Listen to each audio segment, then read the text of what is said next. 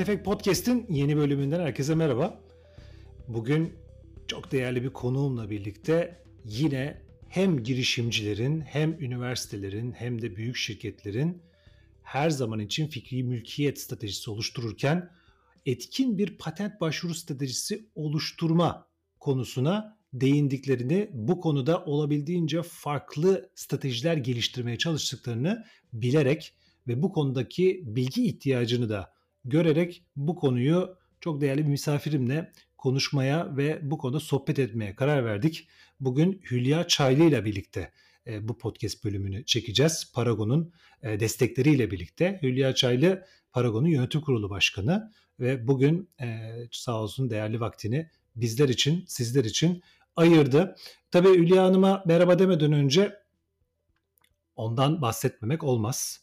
Hülya Hanım kimya mühendisi, marka ve patent vekili, aynı zamanda Avrupa Patent Vekili ve Avrupa Patent Vekilleri Birliği'nin de Türkiye temsilcisi.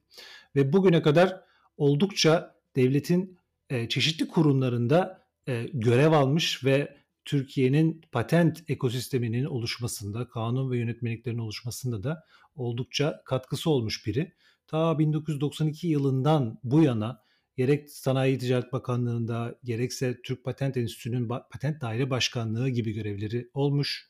Daha sonra Patent Dairesi Başkanlığı'ndan ayrıldıktan sonra da bir süre TÜBİTAK, Başka, TÜBİTAK Başkan Danışmanı olarak çalıştıktan sonra e, girişimcilik deryasına, havuzuna kendisi 2000 yılından sonra, 2001 yılından sonra atılmış ve Paragon Danışmanlık Şirketi'ni kurmuş. Şu anda da yönetim kurulu başkanlığını yürütüyor. Tabi bugüne kadar Sanayi Mülkiyet Kanunu'ndan önceki tüm çalışmalarda, kanun hükmünde kararnamelerin ortaya çıkmasında, Türk Patent Enstitüsü'nün o zamanki adıyla kuruluş çalışmalarında e, birçok alanda gerekse Kalkınma Bakanlığı'nın e, Fikri Haklar Komisyonlarında olabildiğince katkı vermiş. Kendisine bu katkılarından dolayı da teşekkür etmeden geçemeyiz. Hülya Hanım'a hoş geldin diyelim. Hülya Hanım hoş geldiniz. Hoş bulduk. Çok teşekkür ederim güzel sözlerin, güzel tanıtımın için. Merhaba. E, yani siz yapmışsınız. Bize sadece 2-3 dakika içerisinde özetlemek düştü. Kim bilir neler yaşanmıştır. Bunları ayrıca böyle farklı yemek sofralarında farklı hikayeleri dinlemek lazım aslında. Diye Belki düşünüyorum. de kitap yazmak lazım. Belki de daha rahat ulaşırsınız kitleye. Her şey yolunda Ankara'dasınız. Evet, her şey yolunda. Bir yaramazlık yok. Şimdi 12.si yapılacak olan özel ihtisas e, raporu için e, davet edildik. Onların çalışmaları var. Onlara hazırlıklarla geçiyor günlerim. E, böyle. Süper. Yine yoğunsunuz ve devletin çeşitli kademelerinde yine fikri mülkiyet alanındaki bilginizi aktarmaya devam ediyorsunuz. Valla gıptayla izliyorum. Ellerinize sağlık, emeklerinize sağlık. Çok teşekkürler. Şimdi bugün e, Paragon'un e, destekleriyle bu bölümü çekiyoruz. Konumuz da patent başvuru stratejisinin 5M1K'sı. Şimdi tabii patent başvuru stratejisi e, çok parametreli, çok boyutlu bir konu. E, bunun farklı e, boyutlarıyla değerlendireceğiz bu konuyu. E, tabii e, Türkiye'nin patent raporunda e, verdiğimiz bazı istatistikler çerçevesinde e, Paragon biliyorsunuz arkadaşlar tescil edilen toplam Avrupa patent sayısına göre lider vekil firmalar arasında ikinci sırada yer alıyor. Dolayısıyla işin ehlinden bu konuyu değerlendirmek en e, kritik konulardan bir tanesi. E, ama tabii ki de ben Hülya Hanım'ı bir özetle tanıttım ama kendisini hem fikri mülkiyet ekosistemindeki çalışan arkadaşlar e, biliyorlar, mutlaka ismini duymuşlardır. Belki yüz yüze tanışma fırsatı bulamamış olsanız da Hülya Hanım aslında sizden de bugüne kadar neler yaptığınızı, nelerle uğraştığınızı, aslında patent konusuna da nasıl tabiri caizse bulaştığınızı, neyin vesile olduğunu ve patent konusunda hangi dikeylerde daha çok çalışmalarınızın olduğunu sizden de kısaca bir dinlemek isteriz. Ayrıca tabii Paragon'u da bize tanıtırsanız, Paragon neler yapar, patentin hangi dikeylerinde ya da fikri mülkiyetin diğer boyutları çerçevesinde çalışmaları var mıdır? Çok kısa sizden de bir özet alabilirsek bence harika olur. Tabii. Önce, istersen nereden başlayalım? Patent ya da fikri haklara nasıl bulaştığımdan, eee, başlayalım. Çok tesadüfi değildi. Ben 78 yılında, bitirme diploma projesi, hazırlarken, o zaman, böyle web yok, internet üzerinde araştırma yok ama Amerikan kültüre konuyu ve keyword'leri verdiğinizde, oradan, Amerika'daki üniversitelerde birtakım araştırmalar yapılıyordu ve sizin elinize, amonyak kokan faks kağıtlarıyla araştırma sonuçları geliyordu. Benim diploma projemin konusu da fosforik asit üretimiydi. Amerikan kültürde yaptırdığımız bu araştırmaların sonucunda ben fosforik asit üretiminde yeni bir proses başlıklı, bir Amerikan dokümanına, Amerikan patentine ulaştım. İlk patent kavramı o zaman, yani ilk patenti o zaman gördüm. Ne olduğunu o zaman anladım. Daha sonra da, Sanayi Bakanlığı'nda çalışırken, eş durumundan ben bir Karaca subayla evliyim. Dolayısıyla, eee, her ilde kadrosu olan bir yeri seçmek zorundaydım, eee, çalışma yeri olarak. O da Sanayi Bakanlığı'ydı. Erzurum'dan Sanayi Bakanlığı'na Ankara'ya geldim. Değişik, eee, bölümleri var, departmanları var. Eee, patent aklımda olduğu için ve çok ilgimi çektiği için, eee, o dönemki adıyla Sınai Mülkiyet Daire Başkanlığı'nı tercih ettim. Orada mühendis olarak çalışmaya başladım. Yürürlükte olan kanun İhtira Beratı Kanunu'ydu. Kanun hükmünde kararname yok yani. Hayır, hayır. 1879 tarihli İhtira Beratı Kanunu var. Yerli başvurular üniversitelerde inceleniyor. Yabancı başvurular Avrupa Patent Ofisi'nde, hazırlanan araştırma raporuna göre sonuçlandırılıyor. Öyle bir sistem içerisindeyiz. Kurum beni Japonya'ya uzun süreli bir eğitime gönderdi. Eğitimin konusu da teknoloji transferi, ve fikri mülkiyet haklarıydı. O eğitimden sonra döndüğümde artık ben bu mesleği yapmalıyım diye düşünüyordum. Emekli olana kadar da, Türk Patent'ten emekli olana kadar da, bu alanda çalışmaya devam ettim. Başka nereden başlasam? Paragon'u nasıl kurmaya karar verdiniz? Belki de oraya da bağlamak lazım. Aaa, emekli ama zaten ben emekli olmadan önce son iş olarak 2000 yılında Avrupa Patent Sözleşmesi'ne katılım çalışmalarında, meclisteki komisyon çalışmalarında yer aldım. Aaa, onda orada da kesin artık, aaa, bu işin öbür tarafında, sanayiyi temsil etmek adına vekil olarak çalışmaya karar vermiştim. TÜBİTAK'taki başkan danışmanlığım da zaten fikri haklarla ilgili danışmanlıktı. Orada da birtakım, ımm, çalışmalarda bulunduktan sonra, artık vekil olarak çalışmalıyım diye düşündüm. Avrupa Patent Vekilliği unvanını da aldıktan sonra, böylece çalışmaya başladım diyebilirim. Yani çok tesadüfi değildi. Bu bir seçimdi. Eee, 78 yılında tanıştım patent kavramıyla. Sonra hep ardından gittim, eee, ve, tek eee, 2001 yılında da, aaa, biz patent vekili olarak çalışmaya başladım.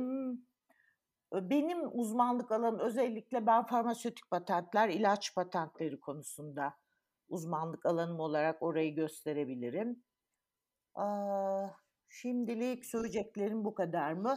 Paragon'a gelirsek, Paragon, eee, fikri ve sınai haklar konusunda tescil hizmetleri veren bir patent bürosu, patent firması.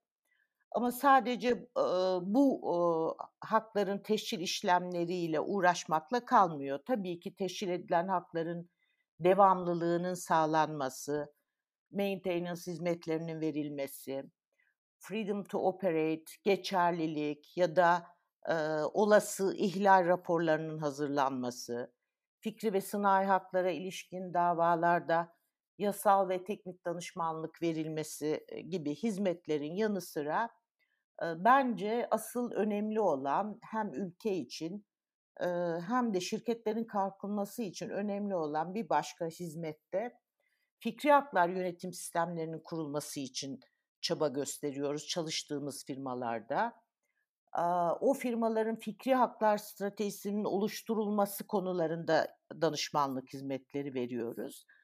Bir de yine Paragon'dan ayrı olarak farklı bir tüzel kişiliğe sahip hukuk bürosu var. Oradaki hukukçu arkadaşlarımız da fikri ve sınai haklara ilişkin davaları yürütüyorlar.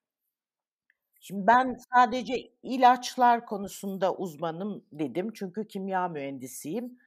Ee, ama tabii vekil olarak çalıştığımız bir, bir ekip olarak çalışıyoruz. Ee, o ke- ekipte teknik alanlar olarak sıralarsam kimya, elektronik ve mekanik e, önde geliyor. Ee, yine benim gibi bir Avrupa Patent Vekili olan e, elektronikçi arkadaşım var. Onun dışında da e, makine mühendisi, fizikçi, kimyacılardan oluşan bir teknik ekibimiz var. Tabii ki bütün bunları tek başıma yapmıyorum. E, bir ekip olarak çalışıyoruz. E, yoğun olarak çalıştığımız sektörleri sıralarsam da başta savunma sanayi geliyor.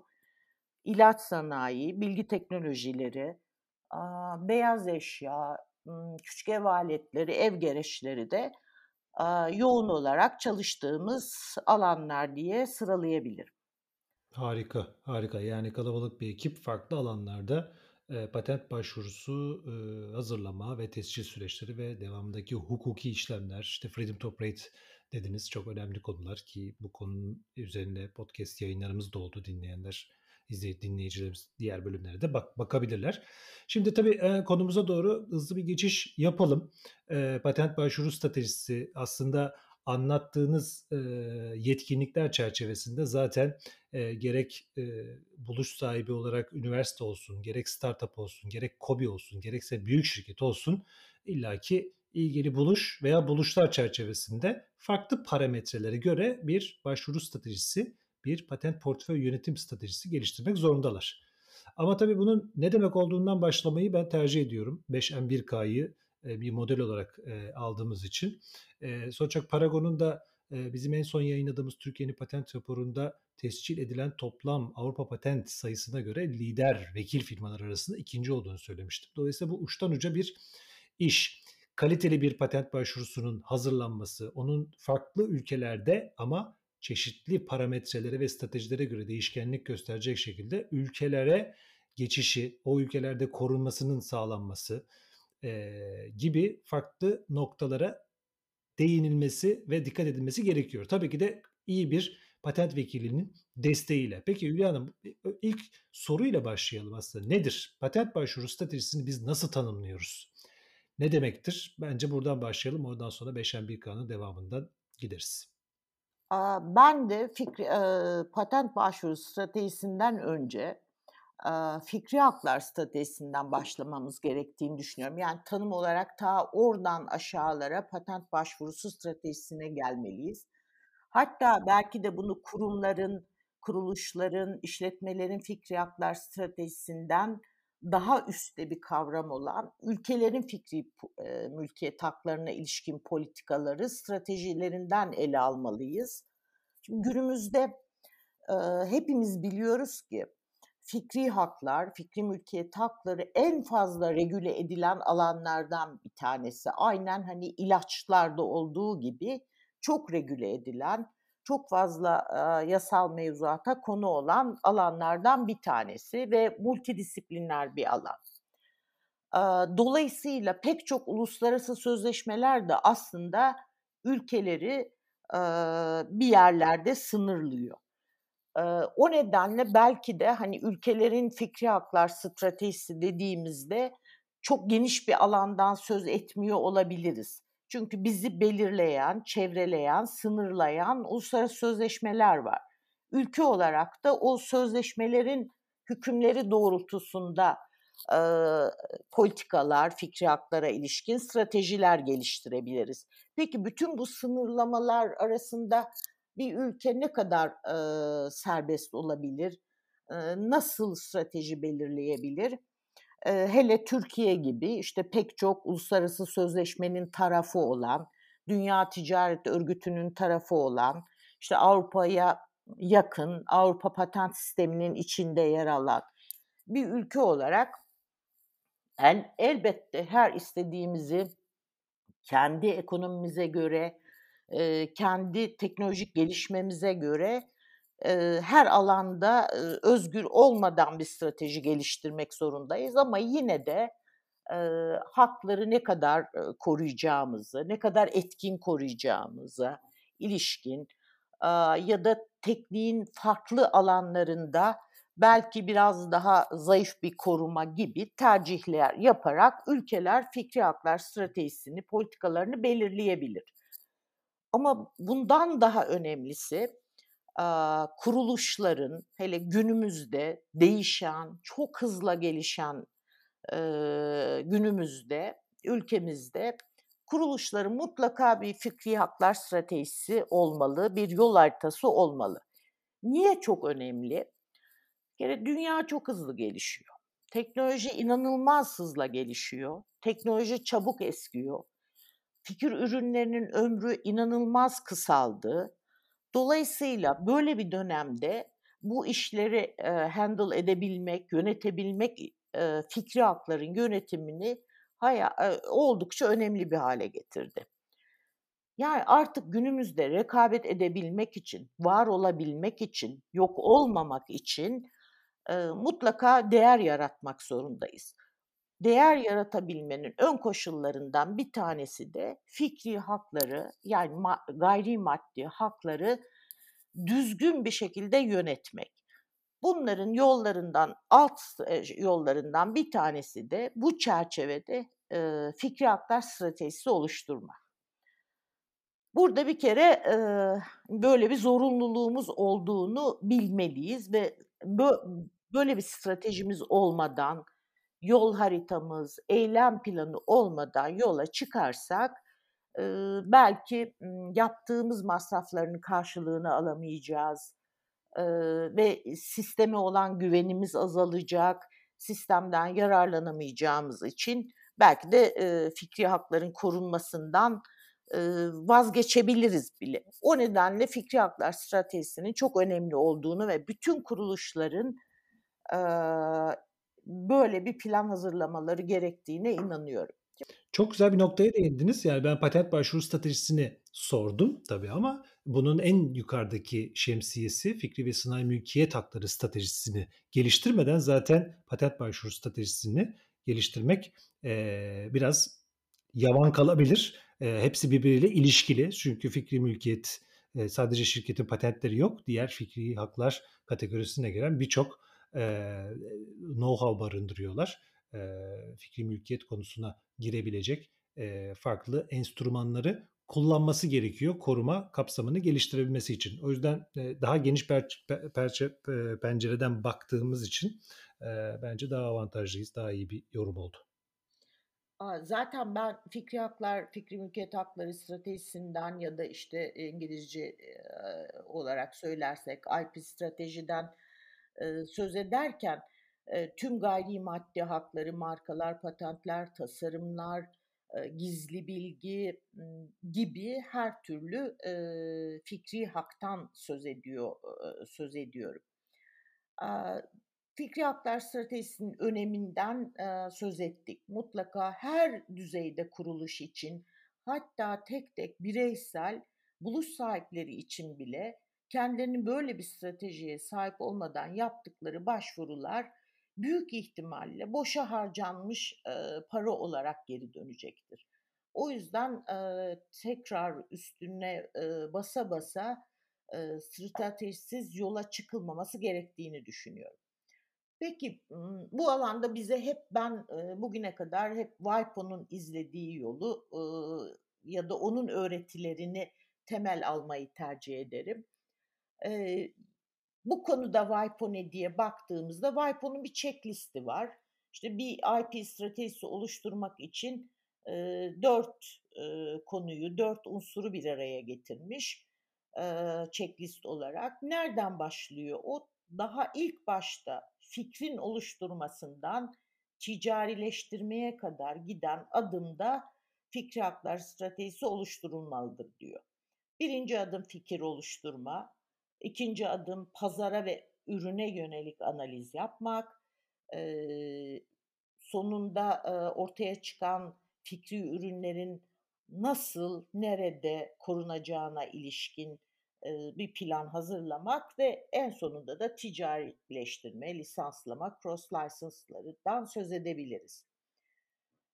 Peki, yine, hani, eee, hep ben, strateji üzerinden devam edeceğim ve sonunda patent başvurusu dosyalama stratejisine geleceğim. Çünkü, fikri haklar ne kadar iyi hazırlanmış bir fikri haklar stratejimiz varsa, patent başvuru dosyalama ya da patent stratejisi oluşturmak o kadar kolay olacaktır bizim için. O nedenle stratejinin üzerinde biraz daha, fikri haklar stratejisinin üzerinde biraz daha durmak isterim. Eee, çok doğru. Belki de burada dinleyicilerimize, eee, şu bilgiyi de vermek lazım. Yani sizin vereceğiniz bilgiler çerçevesinde, eee, ISO'nun hazırladığı inovasyon yönetim standardının içerisinde artık fikri mülkiyet yönetim standardı da var. Dolayısıyla artık ISO diyor ki inovasyon yönetimini düzgün yapmak istiyorsan fikri mülkiyet stratejisini de benim belirlediğim guideline'a uygun bir şekilde adapte et. Bunu bu şekilde yönetmeyi becer diyor. Dolayısıyla bugün anlatacaklarınızın hepsi aslında e, yarın nasıl ISO 9001'le eee, almak zorunda kalıyorsa firmalar, yarın bu ISO'nun belirlediği inovasyon standardını da almak zorunda kalacaklar ve patent, eee, fikri eee, fikri mülkiyet yönetim, sadece patent değil, fikri mülkiyet yönetim, eee, standardı da orada belirlenmiş durumda. Bunu da, eee, açıklamalar bölümüne, aaa, ekleyeceğim ki insanlar, eee, dinleyicilerimiz bakabilsin. Evet, çok çok iyi oldu. Ben, eee, unutmuştum bu konudan söz etmeyi. Eee, bence iyi bir ekleme oldu. Fikri haklar stratejisini şöyle de belki ta tanımlayabiliriz, eee, ya anlatabiliriz.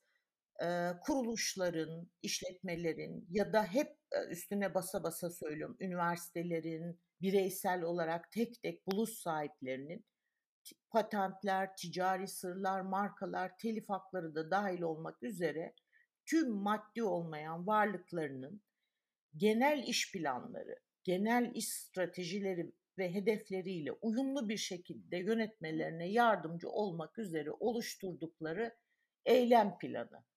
Yani işletmemizin, kuruluşumuzun ya da, eee, kişi olarak, eee, bir, eee, buluş sahibinin genel bir iş planı var. Bir iş yapma yöntemi var. Buna uygun bir fikri haklar stratejisi oluşturmak zorundayız. Bu bize ne sağlayacak? Önemli ve kalıcı bir rekabet avantajı sağlayacak diğer firmalar karşısında. Fikri haklar stratejisinin, iyi bir fikri haklar stratejisinin, kullanımı, uygulanması, işletmeler açısından finansman, pazarlama ya da satış kadar önemli, belki de daha önemli, diyebiliriz. Hemen ardından, neler neler bu bunun fikri haklar stratejisini neler oluşturuyor, unsurları neler diye bakarsak, aaa, şunlardan söz edebiliriz. Bir kere teknolojik alan. Bir stratejinin en önemli unsurlarından bir tanesi, eee, işletme olarak çalışacağımız, hedeflediğimiz teknolojik alanı belirlememiz lazım. Hangi alanda çalışmak istiyoruz? Yeni ürün ve hizmetlerin pazara sunulması için hangi teknolojiyi hedefliyoruz? Bu, teknoloji te hedeflediğimiz teknolojiyi belirlersek zaten hemen hemen patent dosyalama stratejimizi de tanımlamış olacağız. Yani biz şu teknik alanda çalışacağız, bu alandaki patentleri izleyeceğiz, bu alanda patent dosyalayacağız gibi. Şimdi teknik alanı belirlerken bir kendi hedeflerimiz, kendi iş planlarımız doğrultusunda belirliyoruz ama aynı zamanda rakiplerin olası çözüm yollarına da dikkat etmeliyiz. Rakipler hangi çözüm yolları üzerinde çalışıyor? Onların önünü kapamak için belki de, eee, birtakım, eee, patent başvuru dosyalama stratejileri geliştirmeliyiz. Fikri haklar stratejisindeki 2'nci önemli unsur da coğrafi alan. Hangi coğrafi alanda çalışmak istiyoruz? Yani eko ürünlerimizi, hizmetlerimizi Nerede pazarlamak istiyoruz?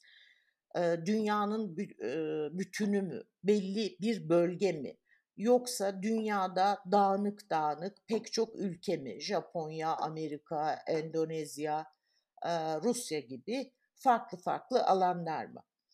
Eee, coğrafi alanın belirlenmesi, eee, özellikle patent başvuru, ııı, yollarını seçerken hangi bölgesel, hangi evrensel sistemi seçeceğimiz konusunda da, eee, bize yardımcı olacak önemli alanlardan, önemli unsurlardan bir tanesi. Aaa, 3'üncü olarak, strateji, bir fikri haklar stratejisi neyi içermeli? Korumanın türü konusunda karar vermeyi içermeli. Yani biz buluşlarımızı korumak, eee, korumak istiyorsak patentle mi, faydalı modelle mi koruyacağız? Eee, eğer yeni ürün, piyasaya çıkaracağımız yeni ürün sadece tasarımla, eee, korunabilecek özellikteyse tasarım başvurusu yeterli olacak mı? Ya da, işte, bu ülke Amerika'ysa dizayn, patent yeterli olacak mı gibi, koruma türü konusunda da bilgi veren, hedef veren bir s stratejimiz olmalı. Yani bütüncül bir yaklaşımla aslında çok güzel, eee, adımları, eee, aktardınız ama birçok, yani büyük şirketleri saymazsak eğer aslında olaya biraz da böyle patentim olsun, bir patent başvurusu yapalım, eee, hanemize bir tane artı patent başvurusu, eee, olabiliyorsa bir tescil belgesi gelsin. Ondan sonra ne yapacağımıza bakarız mantığı biraz daha yaygın. Bunun değiştiğini yavaş yavaş görüyoruz aslında Türkiye'de. Bak bahsettiğiniz o adımları hepsine tek tek dikkat edilmiyor olsa bile, eee, bazılarına dikkat edilebiliyor. İşte defansif strateji, ofansif strateji bunlar yavaş yavaş konuşulmaya başlandı. Bunlar önümüzdeki, eee, 10 yıl önce çok konuşulan konular değildi yani 5-10 yıl önce. Eee, ta ki o ülke seçimi ve patent başvuru türünün seçilmesinden sonra artık, eee, belli bu bu adımlar stratejinin bir parçası olarak ki bunu da söylediniz şirketin iş planıyla, inovasyon stratejisiyle paralel gitmesi gerekiyor. Bunları yani fikri mülkiyet stratejisini, patent başvuru stratejisini, bir şirketin inovasyon stratejisini ayırt edebilir miyiz? Firmaların, eee, uyguladığı fikri mülkiyet stratejileri şirketin genel iş planlarına, genel stratejilerine uygun olmalı. O 2 eee, strateji birbiriyle konuşmalı, birbiriyle, eee, etkileşim içinde olmalı. Eee, Türkiye'de de ilk başlarda, yani benim mesleğe ilk başladığım yıllarda, vekil olarak ilk başladığım yıllarda belki sadece, eee, nitel eee, sayı önemliydi. Ne kadar çok ba patent başvurusu yaparsak, işte, eee, patent liglerinde 1'inci olursak bu o kadar önemli deniyordu. Ama giderek bundan, eee, uzaklaşıldığını sevinerek görüyorum. Artık, eee, nicelikten çok nitelik önemli. Ş şirketler fikri haklara ilişkin stratejiler oluşturuyorlar. Belki tüm benim, eee, anlattığım, anlatacağım tüm unsurları içermese bile bir, eee, fikri haklara ilişkin, aaa, politikaları var ve patent başvuru dosyalamayı da bu, eee, politikalarına uygun hale getirmeye çalışıyorlar. Yani 2000'lerdeki, 2005'lerdeki gibi değiliz. Bu alanda da çok iyi bir yere geldiğimizi düşünüyorum ben.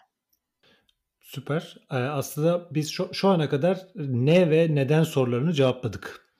Eee, ama başlarken de söylemiştiniz Sanayi Mülkiyet Kanunu, mevzuatlar, şirketin inovasyon stratejisinden bahsettik. Bunlarla uyumlu, entegre bir, eee, bir fikri mülkiyet stratejisi, bir patent başvuru stratejisi geliştirmemiz gerekiyor. Ama nereden başlayacağımızı bilmiyor olabiliriz. Önce Sanayi Mülkiyet Kanunu ve mevzuatlara uygun şirket içinde yazılı doküman haline gelmiş bir fikri mülkiyet stratejisini geliştirerek, buna uyum sağlayarak mı başlayacağız? Yoksa bir bakalım patent başvurularını yapalım, marka başvurularını yapalım, sonra bunları nasıl değerlendireceğimizi ya da bunlardan nasıl değer yaratacağımızı sonra konuşuruz mu diyeceğiz. Patent başvurularını eee, hazırlarken kendi kendimize mi yazacağız? Bir de bu başvuru kalitesinin de çok iyi olması gerekiyor. Ürünlerin eee, ilgili marketlerde korunabilmesi için, defansif veya ofansif amaca hizmet edebilmesi için. Nereden başlayacağız? Nereye doğru gideceğiz? Bu başvuruların hazırlanması, tescile giden hatta ticarileşme aşamasına giden süreçte eee, buluş sahipleri nelere dikkat etmeli? Bence bunun üzerine de bir konuşalım isterseniz. Tabii, bence nereden başlamalı, sorusunun cevabı hemen şimdi en başından diye cevaplayabilirim. Hemen yarın, beklemeden en başından, başlamalıyız. Niye? Çünkü, hangi konuda, eğer, hangi teknolojik alanda buluş yapacağımıza ya da çalışacağımıza karar, eee, vermemişsek, bunu bilmiyorsak, coğrafi alanı belirlememişsek, korumayı, eee, nerede talep edeceğimizi belirlememişsek, korumanın türüne karar vermemişsek, aaa, işte, ofansif, defansif, ticarileştirme amaçlı, optimizasyon amaçlı mı koruma, eee, stratejisi seçeceğimize karar vermediysek sadece ülkeleri seçeriz ve bu ülkeleri seçerken de hangilerinin ucuz olduğuna bakarak, belki, işte, en kısa vadede nerede pazarlama yapabileceğimize bakarak, eee, koruma, eee, talep ederiz. Oralarda patent elde etmeye, marka teşkil ettirmeye eee, karar veririz. Ama bir bölümü, aaa, bizim asıl hedefimize ulaşmada, şirketimizin değer yaratmasında, ve sonuç olarak da para kazanmasında diyelim amiyane tabirle, hiçbir etkisi olmaz. Yani bir şeyler yapmışızdır, buluş yapmışızdır, patent başvuruları dosyalamışızdır ama bu hedefe bir etkisi olmamıştır. O zaman boşuna yapılmış çalışmalardır diyebiliriz. Bu nedenle bence işe önce, eee, mükemmel olmayabilir ama bir stratejiyle başlamak, o stratejinin adımlarına uygun olarak, yol haritasına uygun olarak da, eee, başvuruları, eee, yapmak gerekiyor ve hemen başlamak gerekiyor diyebilirim. Şimdi bir de, eee, başvuruların diyelim ki, hani, patente karar verdik koruma türü olarak. Patent, eee, diğer sınai haklar arasında belki de, eee, hazırlanması en karışık dokümanlar olarak görünüyor. O nedenle, eee, mutlaka bir, ımm, ekiple, ya, iyi bir patent vekiliyle çalışmak, eee, önemli diye düşünüyorum. Şimdi şirketler size'larına göre, eee, belki kendileri, kendi içlerinde de bir fikri haklar kurulları oluşturabilirler. Fikri haklara ilişkin bir ekip, patent vekilleriyle kendi patent vekillerini yetiştirebilirler. Ama ilk aşamada, bunu yapabilmek çok kolay bir şey değil. Önce bir vekille çalışmak, o vekilin vekil ne kadar iyi olursa olsun, iyi bir başvurunun hazırlanabilmesi için, eee, buluşun iyi aktarılması, iyi anlatılması lazım. Bu alanda mesela bizim yaşadığımız, bugüne kadar yaşadığımız en önemli sorunlardan bir tanesi, buluş sahibi de, firma da buluşla ilgili her şeyi anlatmaktan çekiniyor. Oysa, hani, bildiğimiz çok, ııı, önemli bir gerçek var ki ne yazarsak onu koruyabiliyoruz. Eğer, eee, bir şeyi yazmaktan imtina edersek, eee, saklarsak onu koruyamayacağız. Eee, bu nedenle mümkün olduğunca, eee, buluş konusu teknik, olanca açıklığıyla tarifnameye aktarılmalı. Avantajları, dezavantajları, tekniğin bilinen durumundan farkları, eee, uygulanmasına ilişkin her türlü ayrıntılar anlatılmalı. Bunun için de bu bilgiler, eee, buluş sahibinin, şirketin bilgileri vekile doğru aktarılmalı. Eee, ilk olarak, eee, başlamak, iyi başlangıç böyle olur diye düşünüyorum. Ama sonra, şirketler belli bir olgunluğa geldikten, belli bir deneyim kazandıktan sonra kendi içlerinde de patent başvurularını yazabilirler. Ama do sadece dosyalamaya ilişkin bölümlerini outsource edebilirler patent vekilleriyle. O anlamda çalışabilirler. Ama bunun için belli bir bilgi birikimi ve deneyim gerekiyor. Mutlaka, mutlaka. Yani, buradaki en kritik noktalardan bir tanesi de tabii stratejileriyle bağlantılı bir şekilde aslında günün sonunda nihai hedefimiz ilgili teknolojinin, eee, sağlam bir patent dokümanının yazılması. Neden? Tarifnamesinin ve istemlerinin çok kaliteli ve ürünü koruyabilecek düzeyde yazılması bizim için önemli. İster defansif strateji iyi e, benimsemiş olun, ister ofansif bir stratejiyi benimsemiş olun. Bu yarın lisanslama stratejisini entegre etmeye çalıştığınızda da önemli bir hale gelecek. Dolayısıyla istem setinin tarifnamenin e, ürünü koruyabilecek düzeyde rakiplerin kolayca arkasından dolaşmasını engelleyebilecek düzeyde kaliteli yazılması lazım. O yüzden de diyoruz ki bununla alakalı tecrübeli bugüne kadar e, birçok patent başvurusu elinden geçmiş konu domaini, teknoloji domaininde uzman vekillerle çalışılması gerekiyor. Çünkü bir patent başvurusu değil mi? Başvuru sahibinin e, vezir de edebilir, rezil de edebilir markette. İyi yazılmazsa rezil olur, başkasının eline çabuk geçer, hiçbir hakta iddia edemezsin. Patentin de yayınlanmış olur, bedava teknoloji transferine vesile olmuş olursun. Ama bir yandan da iyi kaliteli ürünü koruyabilecek tarifname ve istemlerin yazılması e, seni vezir de edebilir markette ki onu istiyoruz biz. Zaten amaç güçlü patentlere sahip olmak olmalı. Evet değişik e, politikalarla işte ofansif defansif başvurular dosyalanabilir, submarin başvurular yapılabilir. E, bir buluşun etrafında design around dediğimiz patent başvuruları dosyalanabilir. Ama bütün bunlarda en önemli e, hedefimiz, amacımız güçlü güçlü e, içerdiği tekniği, buluşu iyi koruyan bir patent başvurusu hazırlamak. Onu hazırlarken de başlangıçta ilk aşamada hemen tescilli hedefleyip hani ilk araştırma raporum temiz gelsin, ilk inceleme raporum temiz gelsin hedefinden daha çok e, ilk yazımda, ilk tarifname hazırlanışında ben ilk olarak mümkün olduğunca e, geniş, hani geniş korumayı elde edebilecek bir yazım ama e, patentlenebilirliği engellemeyecek kadar da dar bir yazımı tercih edilmesi gerektiğini düşünüyorum.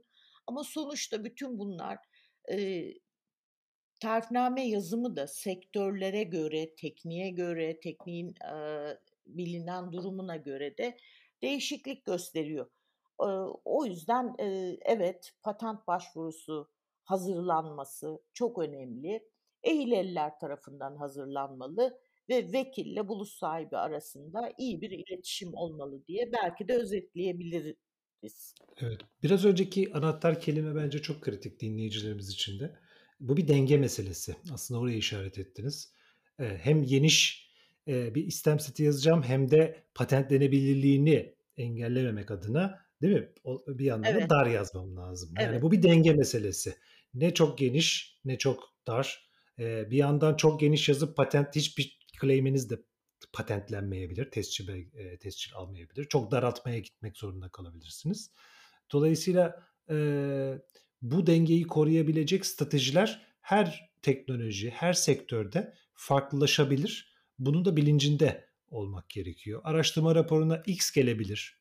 Examiner sizi sarsabilir. Belki bu noktada e, belki de korkmamak da lazım. Üstüne üstüne gitmek lazım değil mi? Belki de buralardan da biraz bahsedebilir miyiz? Yani patent başvurusunu hazırladık, başvurusunu yaptık. Hangi ülkeler e, yani başvuru türlerine en sonunda değineceğiz ama başvurusunu yaptık, araştırma raporu geliyor, X'ler var. Aman Allah'ım patentimiz tescil olmayacak mı? Bir bu durum var. Bir de hiçbir X gelmedi. Aman Allah'ım her şey A. Nefis gidiyoruz. Bu acaba iyi bir işaret mi? Yoksa kötü bir işaret de olabilir mi? Ürünün pazarda korunması, patentin ürünü pazarda koruyabilmesi adına. Bu iki, iki, iki e, çatallı yolda neler söyleyebiliriz? Ben ilk araştırma raporunda gelen X'lerin ya da Y'lerin yani yeni olmamasına ya da buluşun inventif olmamasına, buluş basamağı taşımamasına ilişkin gelen X'lerin, Y'lerin çok korkutucu olm yapmadığı düşüncesindeyim. İlk başvuru demin de söylediğim gibi mümkün olan en geniş korumayı alacak şekilde geniş ama patentlenebilirliği engellemeyecek kadar dar bir şekilde yazılması bir dengeyi sağlamak amacıyla bir tarifname hazırladık, istem takımını yaptık, araştırmaya gitti ve X'ler Y'ler var. Bunlar bence korkutmamalı. Neye göre korkutmamalı? X ve Y olarak gösterilen karşı dokümanları karşılaştırdığımızda eğer biz birtakım, eee, değişikliklerle X'ten Y'den kurtulabileceksek bu bizim için korkutucu olmamalı. Eğer zaten patent tarifnamesini hazırlarken bizim yaptığımız ön araştırmada, tekniğin bilinen durumuna dair yaptığımız araştırmada önümüze gelen dokümanlarsa, bildiğimiz dokümanlarsa, eee, bunlara uygun cevaplar hazırlayarak ya da egzaminerin, eee, işaret ettiği hususlarda değişiklikler yaparak X'lerden, Y'lerden kurtulabiliriz. Ama eğer bizim hiç görmediğimiz, tekniğin bilinen durumunu araştırırken, eee, önümüze gelmeyen bir dokümansa o zaman bu doküman incelenerek yine X'lerden, Y'lerden, eee, kurtulabiliriz. Yani ilk araştırma raporunda gelen olumsuz görüşler bence buluş sahibini, eee, korkutmamalı, patent sahibini korkutmamalı, eee, ilerlemeli. Ya da diyelim ki PCT'de bir bir bir süre sonra yine de, eee, değinebiliriz. Gelen ön inceleme raporunun temiz olması da bütün ülkelerde, eee, patent alınacağı gibi bir sonuç doğurmamalı. Çünkü o bir ön inceleme raporu, eee, ve, emm, tüm ülkeleri kapsayacak bir, eee, mevzuat çerçevesinde yapılmış bir rapor. Oysa Amerika çok daha farklı inceleyebiliyor. Japonya çok daha farklı yaklaşıyor buluş basamağının değerlendirilmesine, yeniliğin değerlendirilmesine. Oradan da, hani, eee, ön inceleme raporu olumlu olmasına rağmen, eee, patentlenebilirlik, eee, şartlarının farklı yorumlanmasından dolayı başka ülkelerde, eee, olumlu sonuçlar alamayabiliriz.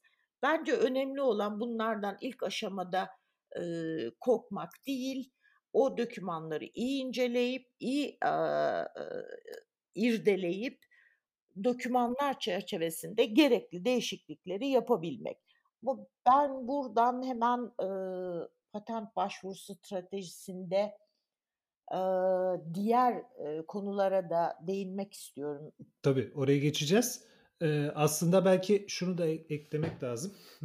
Sonuç olarak bu patent başvurularını inceleyen, X'leri, Y'leri, A'ları koyan arkadaşlar da insan evladı. Onlar da, teknik bilgileri bazı yerlerde sınırlı kalabilir. Yanlış anlamış olabilirler, yanlış değerlendirmiş olabilirler. Dolayısıyla onlara itiraz etme de her zaman için açık kapılardan bir tanesi, değil mi? E, zaten, eee, hani, onların, eee, eee, raporları hazırlayanların insan olmasının, bizim gibi insan olmalarının dışında herkesin eriştiği bir veri tabanı var. En geniş veri tabanına sahip olsalar bile farklı yorumlayabilirler, yanlış yorumlayabilirler, buluşumuzu yeterince iyi anlamamış olabilirler. O nedenle zaten tüm ülkelerin patent verilme sistemlerinde egzaminerle, yani başvuruyu inceleyen kişiyle, eee, karşılıklı, eee, diyalog mekanizmaları mevcut. Belki, hani, biz ülkemizde bahsederken bu sadece yazılı oluyor. Eee, diğer ülkelerdeki gibi sözlü, eee, diyaloglara çok izin vermese de, eee, sistemler buna izin veriyor. Eee, sonuçta biz buluşumuzu, yanlış buluşumuzu daha iyi anlatabiliriz, yanlış anlaşılmaları giderebiliriz. Bunu yazılı ya da sözlü bir biçimde, yapabiliriz. O yüzden, patent verilmesi işlemleri sırasında alınan ilk sonuçlar hiçbir zaman caydırıcı, korkutucu olmamalı. Buluşun özünde, devam edilmeli. Sonuç, ııı, mutlaka her yapılan buluşta veya her yaptığımız başvuru patentle, eee, tescille sonuçlanmayabilir ya da daraltılarak, kısmi olarak tescil edilebilir ama bunlar zaten sistemin doğasında olan, olması gereken özellikler hiçbir zaman caydırıcı olmamalı diye düşünüyorum. Evet, evet. Yani sonucu, ııı, tahmin edemesek de sonuç olarak biz buluşumuzu, eee, sonuna kadar savunmak zorundayız arkadaşlar. Buluşunuza güvenin. Yani vekilinizin yönlendirmesiyle birlikte buluşumuza güveneceğiz. Tam şeyi söylüyordunuz. Ben o sırada e, böldüm. E, aslında son konumuzda podcast'imizin e, bitmesine e, yakın. E, en çok konuşulan şeylerden bir tanesi de patent başvuru stratejisinin bir bacağı olarak buluşumuzu hangi ülkelerde ya da hangi patent başvuru sistemini seçerek koruma yöntemini tercih edeceğim. Burada da çeşitli stratejiler devreye giriyor amacımıza göre. Burada e, hangi yöntemlerden bahsedebiliriz? E, bütün başvuru sahipleri için geçerli ve hangi stratejiyle örtüşmeli? Hangisinin neye diğerine göre nasıl bir avantajı veya dezavantajı var? Belki bunlardan bahsederek e, sona doğru gelelim. Aa, o zaman iyi bir strateji uygulayabilmek için önce bir kere bir takım konularda karar vermemiz lazım. Türüne karar verdik, patentle koruyacağız diyelim. Hangi bölgelerde koruyacağız? Ee, işte sadece Avrupa mı, sadece Afrika mı, ee, yoksa geniş bir yelpaze ama belli bir bölgede sınırlı değil mi? Yani patentin korunacağı coğrafi bölgeyi çok net olarak e, tespit etmeliyiz. Patent konusu buluşla ilgili çalışmalar da önemli. Eğer patent konusu buluşun e, başvuru yapıldıktan sonraki 12 ay içerisinde e, hala geliştirilmesi, değiştirilmesi mümkünse, böyle bir olasılık varsa bu da kararımızı e, hangi tür başvuruyu seçeceğimiz konusundaki kararımızı etkileyecek. O nedenle buna da karar vermemiz lazım. Buluşumuz ilk 12 ay içerisinde başvuru yaptıktan sonraki ilk 12 ay içerisinde gelişebilir mi, değişebilir mi? Patent konusu buluşta söz konusu olan ürün kolay taklit edilebilir bir ürün müdür? Pazara girer girmez ben bunun kolay taklit edilebileceği için enforce etmek zorunda kalabilir miyim? Patent konusu buluşun ticari ömrü ne kadardır? Bütün bunlara karar verdikten sonra ben artık hangi başvuru yolunu tercih etmeme ilişkin bir kararı çok kolayca verebilirim. Bütçe, masraflar her zaman kriterler arasında yer alıyor ama bence en son göz önüne alınması gereken bir adım. Peki ne tür bizim başvuru yollarımız var? Demin saydığım e, kriterler konusunda kararlarımızı verdik, koşullar konusunda kararlarımızı verdik. Aa, neler yapabiliriz? Eğer e, sadece Türkiye pazarı bize yetiyorsa ülkemizde bir başvuru yapabiliriz. Hiç başka bir yere gitmemize gerek yok. Peki burada avantajlarımız neler olabilir? Başlangıç ücretlerini düşük tutacağız. Ee, Türkiye pazarı bana yeterli. TÜBİTAK desteklerinden yararlanmak istiyorum. Biliyorsunuz bizim kanunumuzda, SMK'da e, TÜBİTAK desteklerinden e, yararlanmak için önce Türkiye'de başvurunun dosyalanması isteniyor.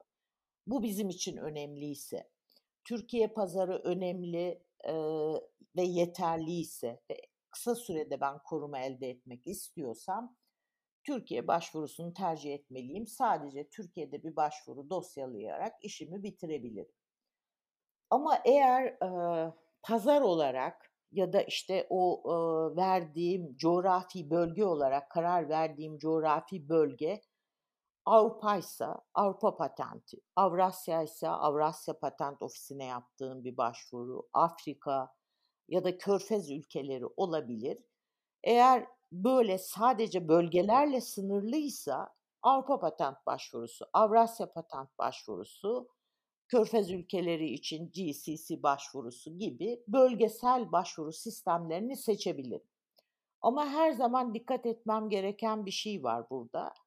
Bu bölgesel başvuru sistemlerinde e, masraf biraz daha e, artacak ama birden çok ülkede bir koruma elde edeceğim için e, bu masrafları göz önüne almalıyım. E, masraf beni yıldırmamalı diye e, düşünebiliriz. Bu çerçevede karar verebiliriz. Yine coğrafi olarak e, baktığımızda Eğer, eee, sadece bir bölgeyle sınırlı değilse benim pazarım, eee, koruma, eee, elde etmek istediğim ülkeler, eee, örneğin Amerika'yı istiyorum, Japonya'yı istiyorum, Kanada'yı istiyorum. Bunlar hiçbir bölgesel sisteme s eee, dâhil olan ülkeler değil. O zaman ya aralarında yine Avrupa'da olsun, o zaman belki benim için yapmam gereken en doğru başvuru yolu evrensel başvuru, uluslararası başvuru yolu olan PCT'yi kullanmak. Burada da doğrudan PCT başvurusu yapabilirim. Önce Türkiye'de eee, Türkiye'de bir ulusal başvuru dosyalayıp ardından rüçhan hakkından yararlanarak 12 ay içerisinde uluslararası başvuruya gidebilirim. Eee, bütün bunlar coğra eee, seçtiğim, coğrafyaya bağlı olarak değişecek, eee, başvuru sistemleri. Şimdi biliyorsun bizim, önümüze üniter patent başvurusu da gelecek. Yakında yürürlüğe girmesini bekliyoruz. Mesela burada da, ben bu konuda nasıl karar verebilirim? Üniter patent konusunda EP'sinin dışında, bir koruma biçimi olarak. O zaman burada şöyle bir, şeyden kaç ülkede koruma istiyorum? Ben eğer üniter patent sistemine taraf minimum 4 ülkede koruma talep ediyorsam ve Avrup tüm Avrupa'da, eee, enforce etme, eee, yani, işte, hemen ihtiyati tedbir talebi aldırmak ya da tazminat elde etmek gibi gi eee, olasılık varsa, böyle enforce etme olasılığım varsa üniter başvuruyu mutlaka üniter patent başvurusunu düşünmeliyim. Ama eğer 4 ülkeden daha az ülkede bir koruma talep ediyorsam üniter patent başvurusuna gitmeme gerek yok. Eee, ve hepsinden daha önemlisi, şimdi üniter sistemde, eee, davalar da tek bir mahkemede görüleceği için benim seçimime bağlı olarak eğer, eee, buluş konusu, patent konusu buluşum, aaa, hüküm olası bir hükümsüzlük davasında kolaylıkla hükümsüz kılınacak kadar zayıf bir patentse hiç üniter patentten hemen uzaklaşmalıyım. Çünkü tek bir eee, davayla hükümsüz kılınabilecek. Aaa bir ihlal ya da tecavüz durumunda, eee, bütçem kısıtlıysa bütün bu yargılama giderlem eee, giderlerini düşünmek zorundayım. Eee, yine burada giderler, fazla olacağı için ni üniter patent başvurusu sistemini tercih etmemeliyim. Ne kadar farklı parametrelere göre, eee, hangi türü seçeceğine, hangi patent başvurusu türünü seçeceğine, eee, karar verecek başvuru sahibi. Evet, bütün bunlarda parametreleri 3 aşağı 5 yukarı saydık. Masrafların ertelenmesi, eee, göz önüne alınarak, işte, eee, PCT başvurusu dosyalanabilir. Sadece bakın masrafları ertelemek amacıyla da çünkü bir 30 ay kadar ertelemiş oluyorsunuz masraflarınızı, karar verme sürecinizi, hangi ülkeleri seçeceğinizi. Eee, bu nedenle de PCT başvurusu dosyalayabilirsiniz. Söylemek istediğim şey şu: Demin saydığımız, kriterler konusunda, işte, fikri haklar stratejisinde verdiğimiz kararlar doğrultusunda pek çok, başvuru yolundan birini seçebiliriz. Ama önemli olan hep bizim, iş planına uygun fikri haklar stratejisi ve fikri haklar stratejisine uygun bir yolu seçmemize bağlı. Burada da bütçe, masraflar, coğrafya, bu coğrafya belirlenirken göz önüne almamız gereken şeyler, de var, eee, bi birtakım unsurlar da var. Mesela ben Amerika'yı seçiyorum, Amerika'yı pazar olarak görüyorum. Ama Amerika'daki patent alma masraflarını karşılayabilecek miyim? Ya, bunu karşılayabiliyorum, devam ettirebilecek miyim? Yani yıllık ücretlerini ne kadar süreyle ödeyebileceğim? Ve hatta hepsinden daha önemlisi, eğer Amerika'da bir ihlal durumu söz konusu olursa ben Amerika'daki yargılama giderlerini ödeyebilecek durumda mıyım? Bütün bu giderleri yaptığımda han eee, kârlı olacak mıyım? Yani orada sattığım maldan elde ettiğim gelir, korumak için harcadığım para, değecek mi buna? Yani pek çok kriteri bir arada düşünerek doğru bir, başvuru dosyalama sistemi seçilebilir. Bence, hani, anlatırken karmaşık görülebilir ama eğer amacımızı biliyorsak, buluşumuzun durumunu biliyorsak mutlaka doğru bir karar vereceğiz. Bu kararı verirken yalnız firmalar sadece kendi başlarına hareket etmemeliler. Bir kurul bunlara karar vermeli diye düşünüyorum. Biz, yine ben mesleğe ilk başladığım yıllarda, eee, ilaç sanayindeki önemli bir holdingde ilk patent kurulunu kurmuştuk.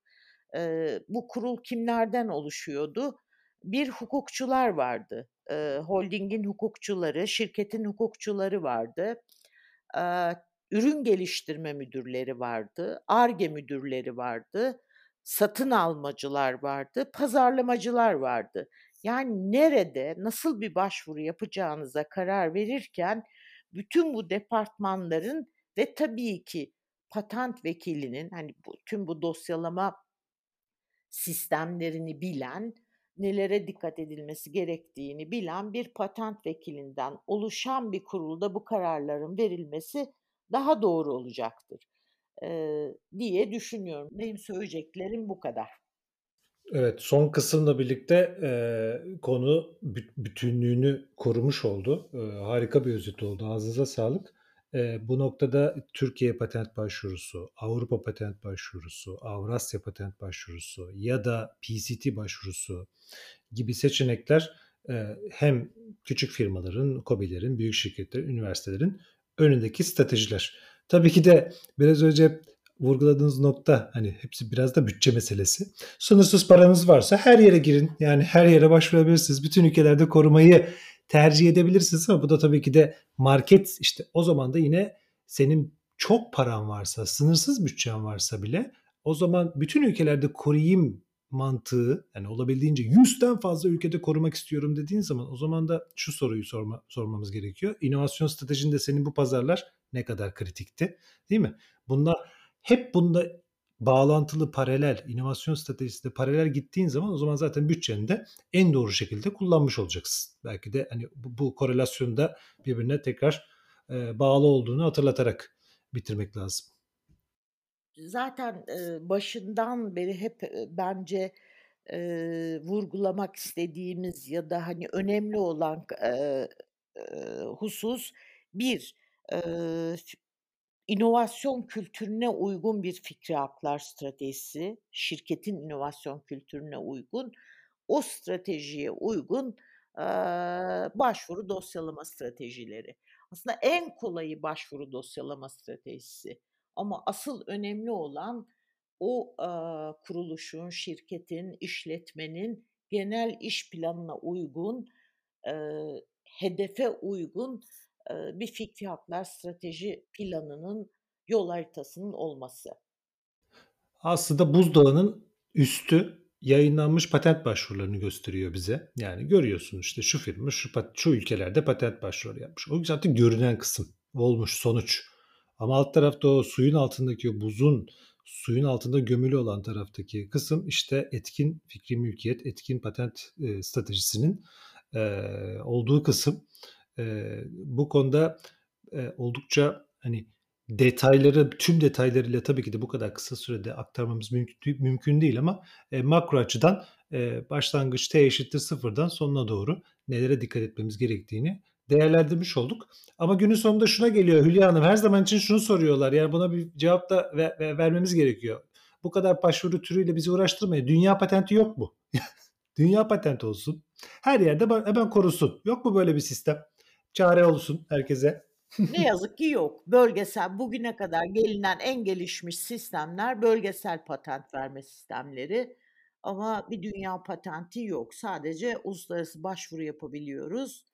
Ama o başvuruyla sınırlı ve başvurunun bir yerinde e, mutlaka ülkelere ya da bölgelere gitmek zorunda kalıyoruz. Evet yani PCT en geniş ülke e, şeyine sahip ama sonuç olarak sizin yine PCT başvurusu dünya başvurusu demek değil. Dünya patenti ol, olacağı anlamına gelmiyor. İşin esprisiyle karışık hep bu soru geliyor tabii ki de yani keşke olsa bir temenni gibi ama Ondan sonra yine sizin stratejinize uygun şekilde korumak istediğiniz ülkeleri seçmek zorundasınız. Seçmiyorsanız zaten yaptığınız başvuru işlemleri boşuna yapılmış oluyor. Çok harika bir özet oldu. Bunu bugün konuştuğumuz Hülya Hanım bugün konuştuğumuz dile getirdiğiniz tüm konular yani PCT başvurusu gerekse işte EP Avrupa Patent Başvurusu gibi konular, işte ISO inovasyon standardı, fikri mülkiyet standardı gibi konuların ilgili linklerini dinleyicilerimiz için açıklamalar bölümüne zaten ekleyeceğiz. Hem sizin LinkedIn profiliniz hem Paragon'un da web sitesi olmak üzere orada da çünkü değerli bilgiler var. bilgilerini arttırmak isteyen kişiler için. onların hepsini de vereceğiz. Ağzınıza sağlık. Yani çok keyifli bir bölüm oldu.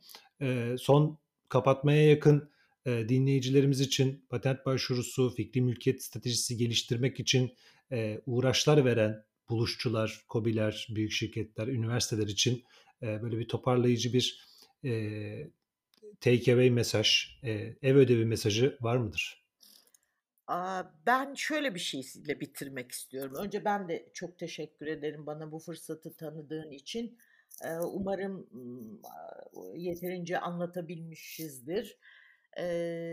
Şimdi bir ilk yıllarda bu sistemin kurulduğu ilk yıllarda patentle ilgili bir şeyler anlatmaya gittiğimizde 14 kişi konuşmacı olurdu. En fazla 12 kişi de dinleyici olurdu. Ki bu hani TOP olsun, TÜSİAD olsun, üniversiteler olsun hemen hemen her yerde durum böyleydi. O günlerden geldiğimiz günlere ve sistemin kurulmasın kullanılmasına baktığımda ben çok umutluyum. İyi bir yere doğru gidildiğini düşünüyorum. dünya hızla gelişiyor. demin senin de belirttiğin gibi bir dünya patentine ihtiyaç da uluslararası patente ihtiyaç ta ilk zamanlardan beri arzulanan bir şey. Ama ne yazık ki değişime, mevzuat değişime daha daha geç ayak uyduruyor.